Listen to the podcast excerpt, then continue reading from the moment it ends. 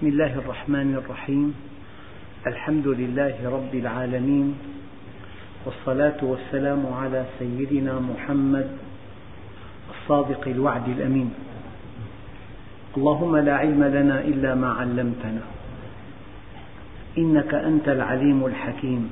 اللهم علمنا ما ينفعنا وانفعنا بما علمتنا وزدنا علما. وأرنا الحق حقا وارزقنا اتباعه. وأرنا الباطل باطلا وارزقنا اجتنابه.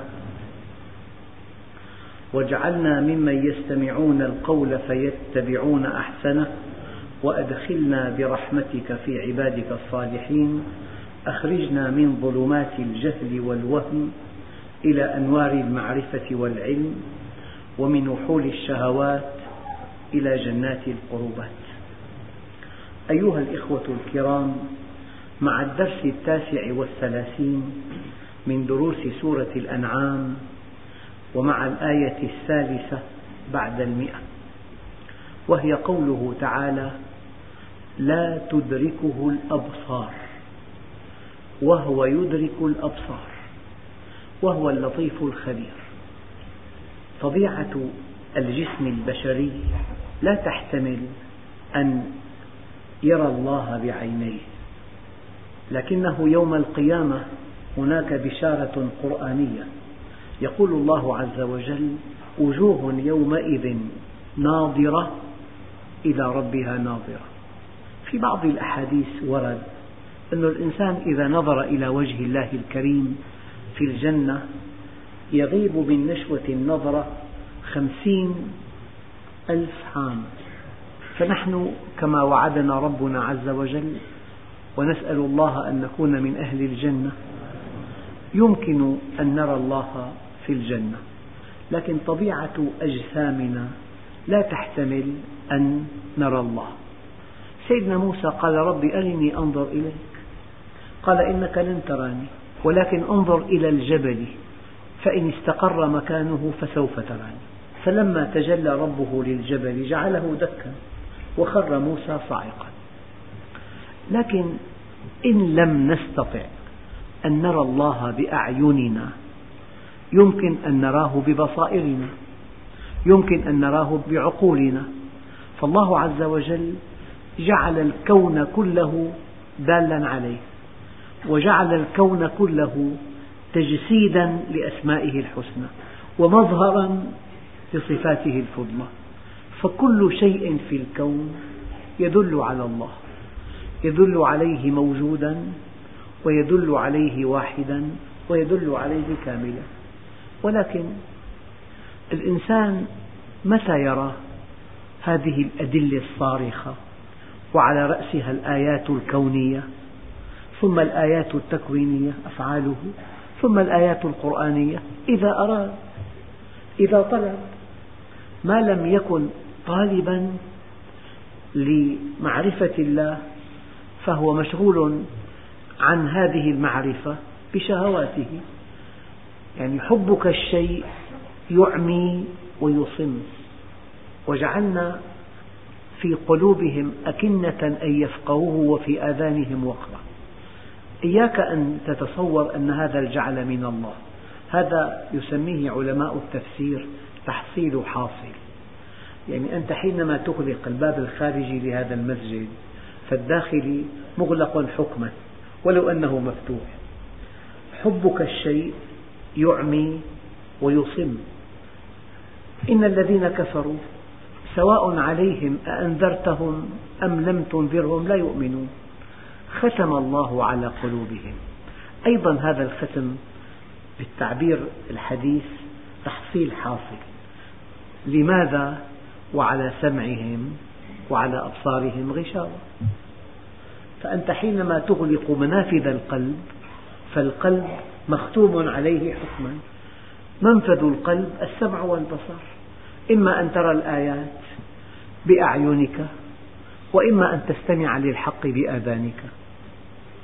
لا تستمع إلى الحق لأن الشهوة حجاب بينك وبين الحق. ولا تلقي نظرا إلى الآيات لأن الشهوة حجاب بينك وبين الآيات. أيها الإخوة في آية تقرب المعنى. فلا أقسم بمواقع النجوم. وإنه لقسم لو تعلمون عظيم. إنه لقرآن كريم في كتاب مكنون لا يمسه إلا المطهرون. هذه اللا نافية واللا النافية تؤكد أمر الله التكويني بينما اللا الناهية تؤكد أمر الله التكليفي يعني لا يمكن ويستحيل لقلب ملوث بالشهوات وبالشبهات أن يدرك معاني هذا القرآن الكريم. دليل آخر ولو نزلناه على بعض الأعجمين إنسان أعجمي فارسي فقرأه عليهم باللغة الفارسية ما كانوا به مؤمنين؟ قال كذلك نسلكه في قلوب المجرمين. الآن أنت لو التقيت مع إنسان يتكلم اللغة الأردية مثلا أو اللغة الفارسية والله حتى الأرقام لا تعرفها. أنا كنت في إيران حتى الأرقام لا أعرفها. فكنت أمسك بآلة حاسبة وهو يضغط على الأزرار كي أعرف السعر. لو أن هذا القرآن نزل باللغة الفارسية. وقرئ علينا بالفارسية. لا نفهم ولا حرف. أيام الإنسان بيسافر لبلد لغته بعيدة عن اللغة الأصلية بيستمع إلى الأخبار ولا يفهم كلمة ولا حرف. قال فقرأه عليهم ما كانوا به مؤمنين كذلك نسلكه في قلوب المجرمين. إذا الإنسان يشبه آلة تصوير غالية جدا فيها دقة بالغة. فالذي يريد الحقيقة في بآلته فيلم والذي لا يريدها مهما نقلت الصورة عبر العدسة إلى داخل الآلة لكن ما في فيلم يلتقطه. رغبتك في معرفة الحقيقة هو هذه القطع التي تنطبع عليها الصور. بشكل أعمق. أنت حينما تطلب الحقيقة هل تصدق أن غديرا يدلك على الله؟ الماء يدل على الغدير. بعرة والبعرة تدل على البعير. وآثار قدم تدل على المسير. أفسماء ذات أبراج وأرض ذات فجاج ألا تدلان على الحكيم الخبير؟ إن أردت الحقيقة أبسط شيء تعرف الله به وإن أبيت الحقيقة لو أنك موظف في محطة ناسا الفضائية أكبر محطة فضائية في العالم وفي آه، يعني تلسكوب عدسته استغرق تبريدها أكثر من عشر سنوات تبريد العدسة. وقد ترى المجرات بألوان تأخذ بالألباب وقد ترى بهذه المراصد ما لا يصدق ولو كنت في آه، موقع صحي في مجهر إلكتروني ورأيت الخلية ورأيت في الجسم أشياء العقل لا يصدقها. لو استطعت أن ترى الذرة تحوم حول النواة. ولم تكن مريدا للحقيقة لا تنتفع بها إطلاقا. هي قرار داخلي يا أخوة. قرار داخلي. إن أردت معرفة الله كل شيء يدلك عليه. بدءا من كأس الماء وانتهاء بالمجرات. طعامك شرابك ابنك. يعني مرة عرضنا على أخواننا الطلاب موسوعة علمية عن خلق الإنسان.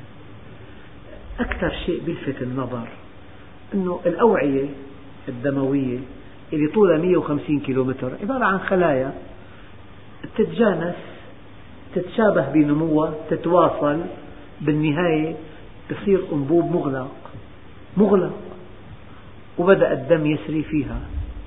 ولو دخلت في تفاصيل الوعاء الدموي طبقات وعضلات الإنسان أيام بيصفر كيف يصفر؟ بكل الأوعية الدموية في عضلات دائرية بتضيق لمعته. توفيرا للدم للعضلات. خائف يصفر لونه. في مرونة بالغة. الوعاء قلب قلب الوعاء. معنى قلب حينما يأتيه النبض يتوسع. فإذا توسع يعود إلى حجمه الطبيعي بمرونته. صار قلب توسع وضغط. فلذلك الإنسان متى يتعب قلبه حينما تتصلب شرايينه وما هو الدواء الغذائي الأول في تلين الشرايين؟ زيت الزيتون الإنسان أحيانا لو نجا من كل الأمراض الوبيلة يموت بتصلب الشرايين. وزيت الزيتون يهيئ للإنسان ليونة في الشرايين إلى أقصى وقت ممكن. فلذلك النبي عليه الصلاة والسلام حينما قال كلوا الزيت وادهنوا به فإنه يخرج من شجرة مباركة. هذا ليس من عنده إن هو إلا وحي يوحى. إذا أنت ببصرك بعين رأسك لا يمكن أن ترى الله.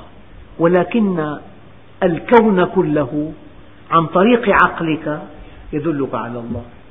فالمعرفة اليقينية محققة. لكن تماما كما لو رأيت دخانا وراء جدار. عقلك جهاز دقيق جدا له مبادئ. يقول لك عقلك لا دخان بلا نار. فأنت تحكم على أن وراء الجدار نارا بالمية مليون. هذا اليقين العقلي. أما حينما تلتف وراء الجدار وترى النار بأم عينك صار يقين حسي هذا عين اليقين.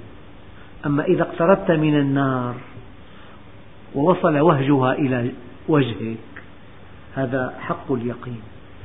من علم اليقين إلى حق اليقين إلى عين اليقين. فنحن في الدنيا بعلم اليقين.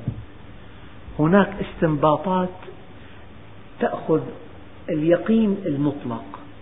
وأنت لا ترى الشيء. أنت لاحظ لما أخواننا الكرام الذين يعملون بإصلاح الآلات. يقول لك وضعنا الشريط في المأخذ الكهربائي. المكواة لم آه، ترتفع حرارتها. أول احتمال ما في كهرباء. ندير مفتاحا يتألق المصباح إذا في كهرباء. إذا لعل هذا المأخذ فيه خلل. نأتي بوسيلة باللورة نضعها في المأخذ. تتألق. إذا كان احتمال الخطأ ما في كهرباء. ثم نشأ احتمال آخر ما في بالمأخذ في خلل. فلما المأخذ أثبت أنه سليم معنا بالشريط. نأتي بشريط آخر. فإن لم تعمل المكواة معنا بالمكواة بأصلها شايف الفكر شلون البشري؟ الله أعطانا جهاز له ثلاث مبادئ. مبدأ السببية مبدأ الغائية مبدأ عدم التناقض. أنت لا تفهم شيئا بلا سبب ولا تفهم شيئا بلا غاية ولا تقبل التناقض. والكون مصمم على مبدأ السببية والغائية وعدم التناقض. الله عز وجل برمج عقلك وفق الكون. خلق الكون وفق مبادئ وبرمج لك عقلك وفق مبادئ. فلذلك العقل أداة معرفة الله عز وجل وهو مناط التكليف والآيات التي تتحدث عن العقل تقترب من ألف آية. لا تدركه الأبصار. لكن العقول بالمناسبة أيها الإخوة العقول تصل إلى الله ولا تحيط به. ولا يحيطون بشيء من علمه إلا بما شاء. تلاحظ بيتك. أنت جالس بغرفة لكنك محيط به. طبعا تعرف غرفة النوم غرفة الاستقبال غرفة الطعام غرفة الأولاد تعرف المطبخ الحمام المرافق. أنت جالس بمكان محدود لكنك قد أحطت بكل ما في البيت علما. وبتعرف ما في البيت إما عن طريق الصوت أو عن طريق الرائحة. إذا في شيء له رائحة تعرف. الذي أريد أن أقوله لكم لكن الله سبحانه وتعالى لا يمكن أن تحيط به. هو لا نهائي لا تدركه الأبصار ولكن العقول تصل إليه تماما كما لو مركبة واتجهت إلى الساحل. هذه المركبة تصل بها إلى الساحل ولكنك لن تستطيع بها أن تمخر عباب البحر. العقل يقف. لذلك قالوا لا يعرف الله إلا الله. والعجز عن إدراك الإدراك إدراك. وعين العلم به عين الجهل به وعين الجهل به عين العلم به. وهو اللطيف الخبير. ما علاقة اللطيف الخبير بالآية؟ موجود. لو أنه إنسان صاحبك لا تحتمله. الله معك. في خلوتك وفي جلوتك وفي سرك وفي علانيتك. الآية الكريمة فلا تدع مع الله إلها آخر فتكون من المعذبين. وأنذر عشيرتك الأقربين واخفض جناحك لمن اتبعك من المؤمنين. فإن عصوك فقل إني بريء مما تعملون وتوكل على العزيز الرحيم الذي يراك حين تقوم وتقلبك في الساجدين إنه هو السميع العليم هو معك لكن لطيف. معك ويراقبك ويعلم ما تقول وما تنطق من كلمة إلا هو يعلمها ولا تأتيك خاطرة إلا هو يعلمها. واعلموا أن الله يحول بين المرء وقلبه. يعني أقرب شيء إلى قلبك والله بينك وبين قلبك. حتى الخواطر مكشوفة عند الله لا تخفى عليه خافية. يومئذ تعرضون لا تخفى منكم خافية. إذا الله معنا لكن لطيف. لطيف وهو معنا وهو معكم أينما كنتم معكم بعلمه. لا تدركه الأبصار وهو يدرك الأبصار وهو اللطيف الخبير. كلمة خبير الحقيقة بتحير. ما الفرق بينها وبين العليم؟ والله قضية خبرة شخصية. أحيانا تصنع آلة وفق أعلى مواصفات علمية كلها قوانين بالميكانيك والفيزياء والكيمياء والرياضيات. لكن على الاستعمال تكتشف بعض الأخطاء. أنه هالقطعة في المحرك ضعيفة عدة مركبات كسرت فالخبرة أن تعلم صلاحية هذه الأفكار النظرية أثناء التطبيق في أشياء كثيرة تصنع ثم تعدل. أوضح شيء بالبذور. ما في شركة زراعية ممكن تقول لك البذرة هكذا مواصفاتها. تقول لك ازرعها أعطينا النتائج. لا تؤخذ خصائص البذور إلا من التجارب لكن ما في جهة علمية تستطيع أن تتنبأ بخصائص هذه البذرة فالخبرة هي علم مطبق أو هي علم قابل للتطبيق من دون ثغرات. وفي أشياء لا تعد ولا تحصى في الصناعة في الميكانيك في الأدوية أحيانا. ففي خبرة نظرية رائعة جدا. على التطبيق هذا الدواء يسبب يعني مرض جلدي يعمل حساسية. هذا الدواء يؤثر على القلب. هذا الدواء يحدث جلطة ما كان بإمكان الإنسان أن يعلم وهو يصنع الدواء دقيقة. ما كان بإمكان الإنسان أن يعلم وهو يصنع الدواء أن هذا الدواء له مضاعفات في القلب خطيرة. إلا بعد أن يطرح في الأسواق أو يجرب على الفئران سابقا ثم على بني البشر في العالم السادس لاحقا. وهذه وصمة عار بحق البشرية أن الشركات العملاقة في العالم الغربي الآن تجرب الدواء على دول في العالم الثالث فعلى أساس دواء مسموح باستيراده يرسلون مندوبين ليكتشفوا النتائج. فإذا كان في سلبيات يمنع طرحه للبيع في بلد المنشأ فلذلك ما في إمكان شركة أدوية تصنع دواء تتنبأ بالأخطاء الجانبية التي يمكن أن تنتج عنه. هي بدها خبرة. الله هو الخبير. لذلك قال تعالى ولا ينبئك مثل خبير. وأنت دائما لاحظ نفسك. إذا كان لا سمح الله ولا قدر. يعني أعراض مرض عضال. لا يمكن تسلم نفسك لطبيب عادي. إلا طبيب معه اختصاص من أكبر دولة بالعالم بهالمرض دعك من جسمك. جسم غالي جدا. جهاز كمبيوتر. ما بتسلمه؟ لبائع خضار. يصلح لك خلله. تبحث عن الشركة. وكيل الشركة الصانعة. فأنت بتحب الخبير. والله قال ولا ينبئك مثل خبير. وصدق وآمن أن الله وحده هو الخبير بأسباب سلامتك وأسباب سعادتك. وحينما تتوهم أن السعادة في المعصية فهذا منتهى الجهل. يعني مستحيل وألف ألف مستحيل أن تطيعه وتخسر أو أن تعصيه وتربح. لكن الله عز وجل يحب أن يمتحن الإنسان. كل المعاصي تقريبا محببة. ويبدو أنها تسعد الإنسان لحين لكن كل السعادة الحقيقية تأتي من الطاعات. تحتاج إلى إيمان قضية وهو اللطيف الخبير. لذلك قيل ورد في بعض الأحاديث أن أفضل إيمان المرء أن يعلم أن الله معه حيث كان ومقام الإحسان أن تعبد الله كأنك تراه. فإن لم تكن تراه فإنه يراك. نعم. الحقيقة أن تشعر بمعية الله عز وجل هي أكبر ضمان لاستقامتك ثم يقول الله عز وجل قد جاءكم بصائر من ربكم فمن أبصر فلنفسه ومن عمي فعليها وما أنا عليكم بحفيظ.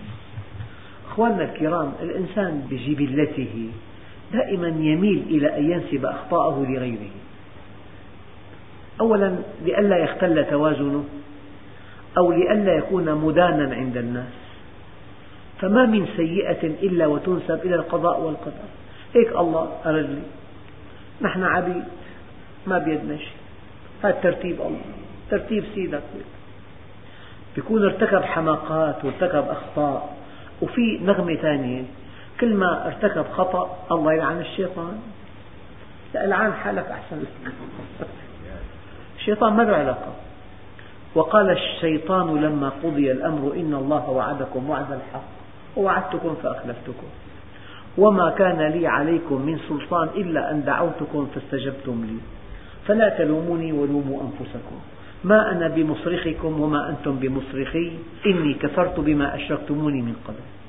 والله أيها الإخوة الذي يرتكب خطأ أو معصية أو حماقة ثم يلعن الشيطان مثله تماما كإنسان يرتدي أجمل الثياب بيضاء في الصيف والثياب مستوردة وغالية جدا. أناقة ما بعدها أناقة ورشاقة ما بعدها رشاقة. إذا هو يسقط في حفرة فيها مياه آسنة مياه المجاري سوداء المياه. يخرج من هذه الحفرة ويتجه لتوه إلى المخفر ليشتكي على واحد.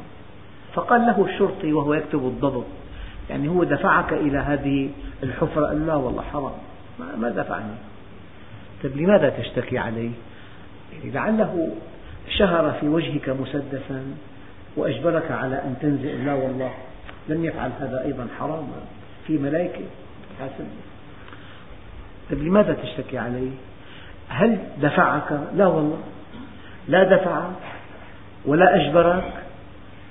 لماذا تشتكي عليه؟ قال له والله قال لي أنه نزل نزلت هذا بده قصير صح. هيك الشيطان. وقال الشيطان لما قضي الأمر إن الله وعدكم وعد الحق.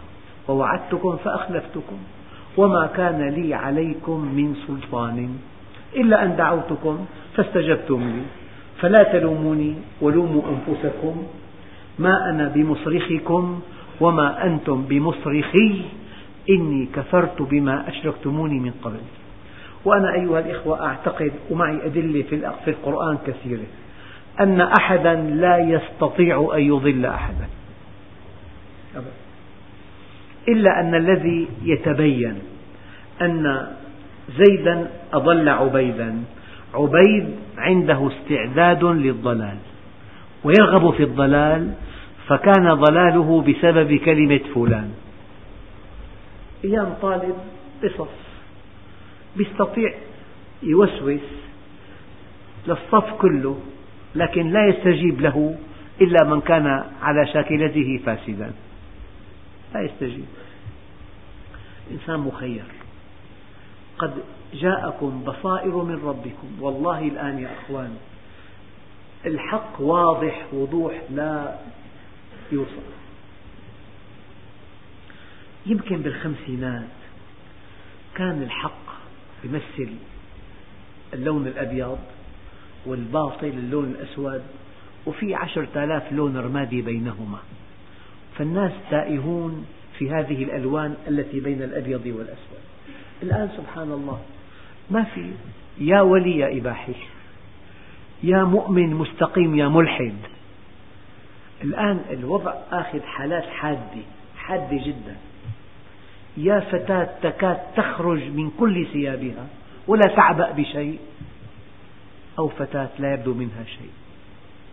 الأولى تبحث عن المتعة الرخيصة الأولى المتفلتة والثانية تبحث عن مرضاة الله عز وجل.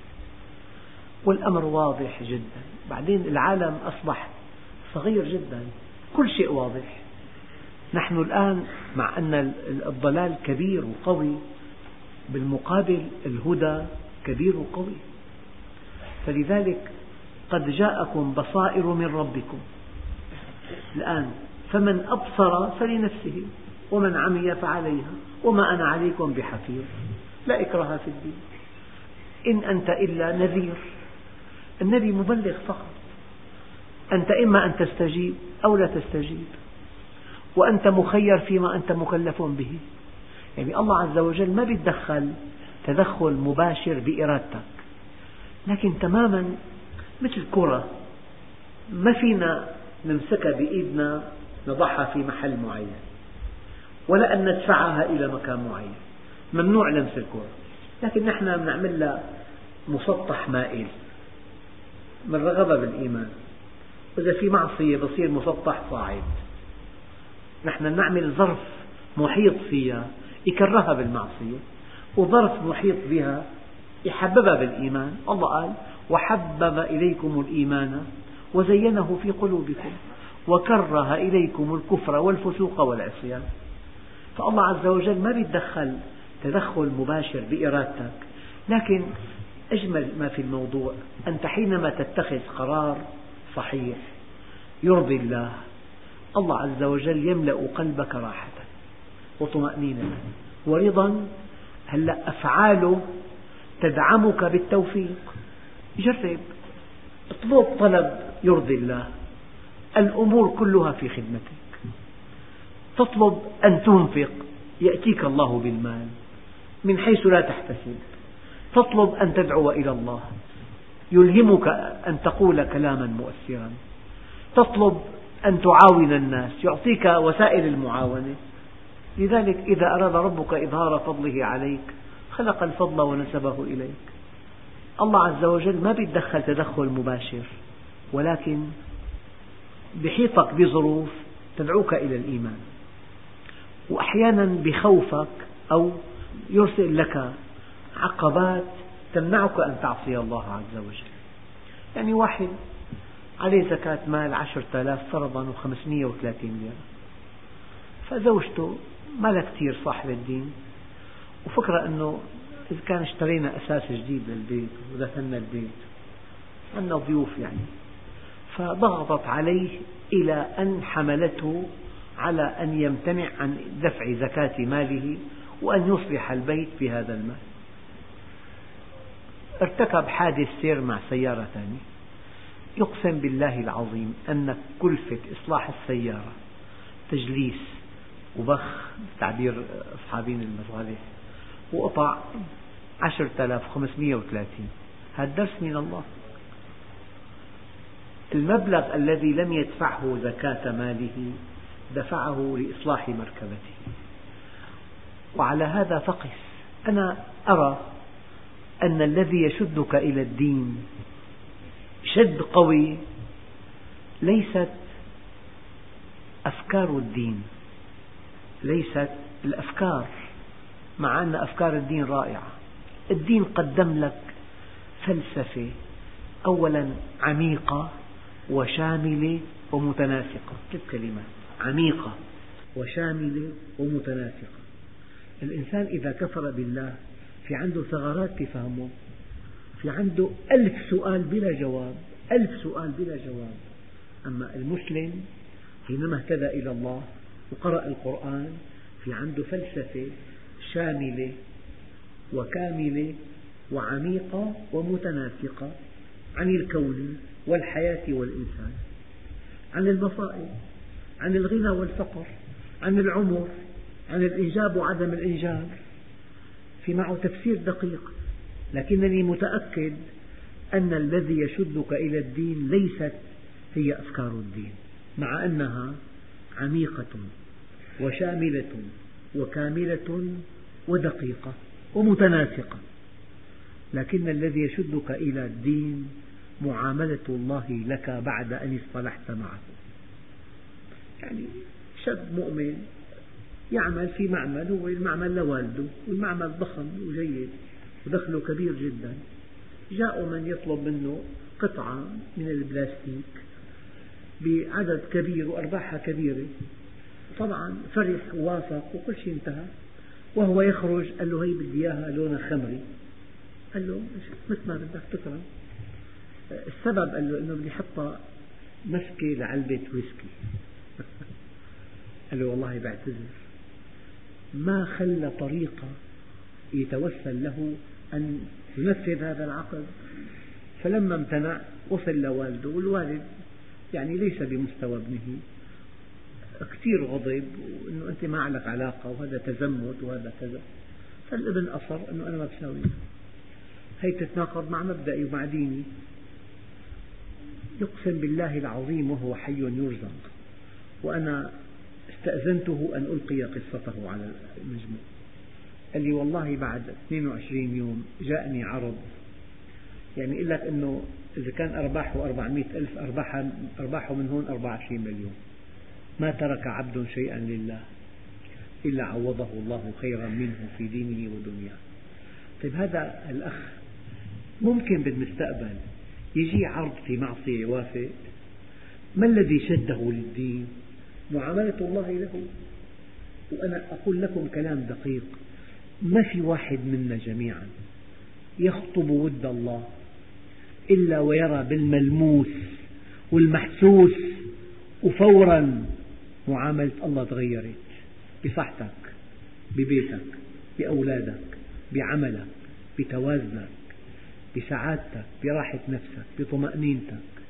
الله موجود. هو ينتظر من هذا العبد حركة. قل إنما أنا بشر مثلكم يوحى إلي أنما إلهكم إله واحد. فمن كان يرجو لقاء ربه فليعمل عملا صالحا ولا يشرك بعبادة ربه أحد. أيها الإخوة هذه الآية مضمونها واضح جدا أن الإنسان مخير فمن أبصر فلنفسه. يعني للتوضيح في بث إذاعي. أنت معك جهاز استقبال. بتفتح وبتلتقط البث باختيارك. أو ما بتلتقط البث كمان باختيارك. أو تضع المؤشر على أغاني ساقطة كمان باختيارك.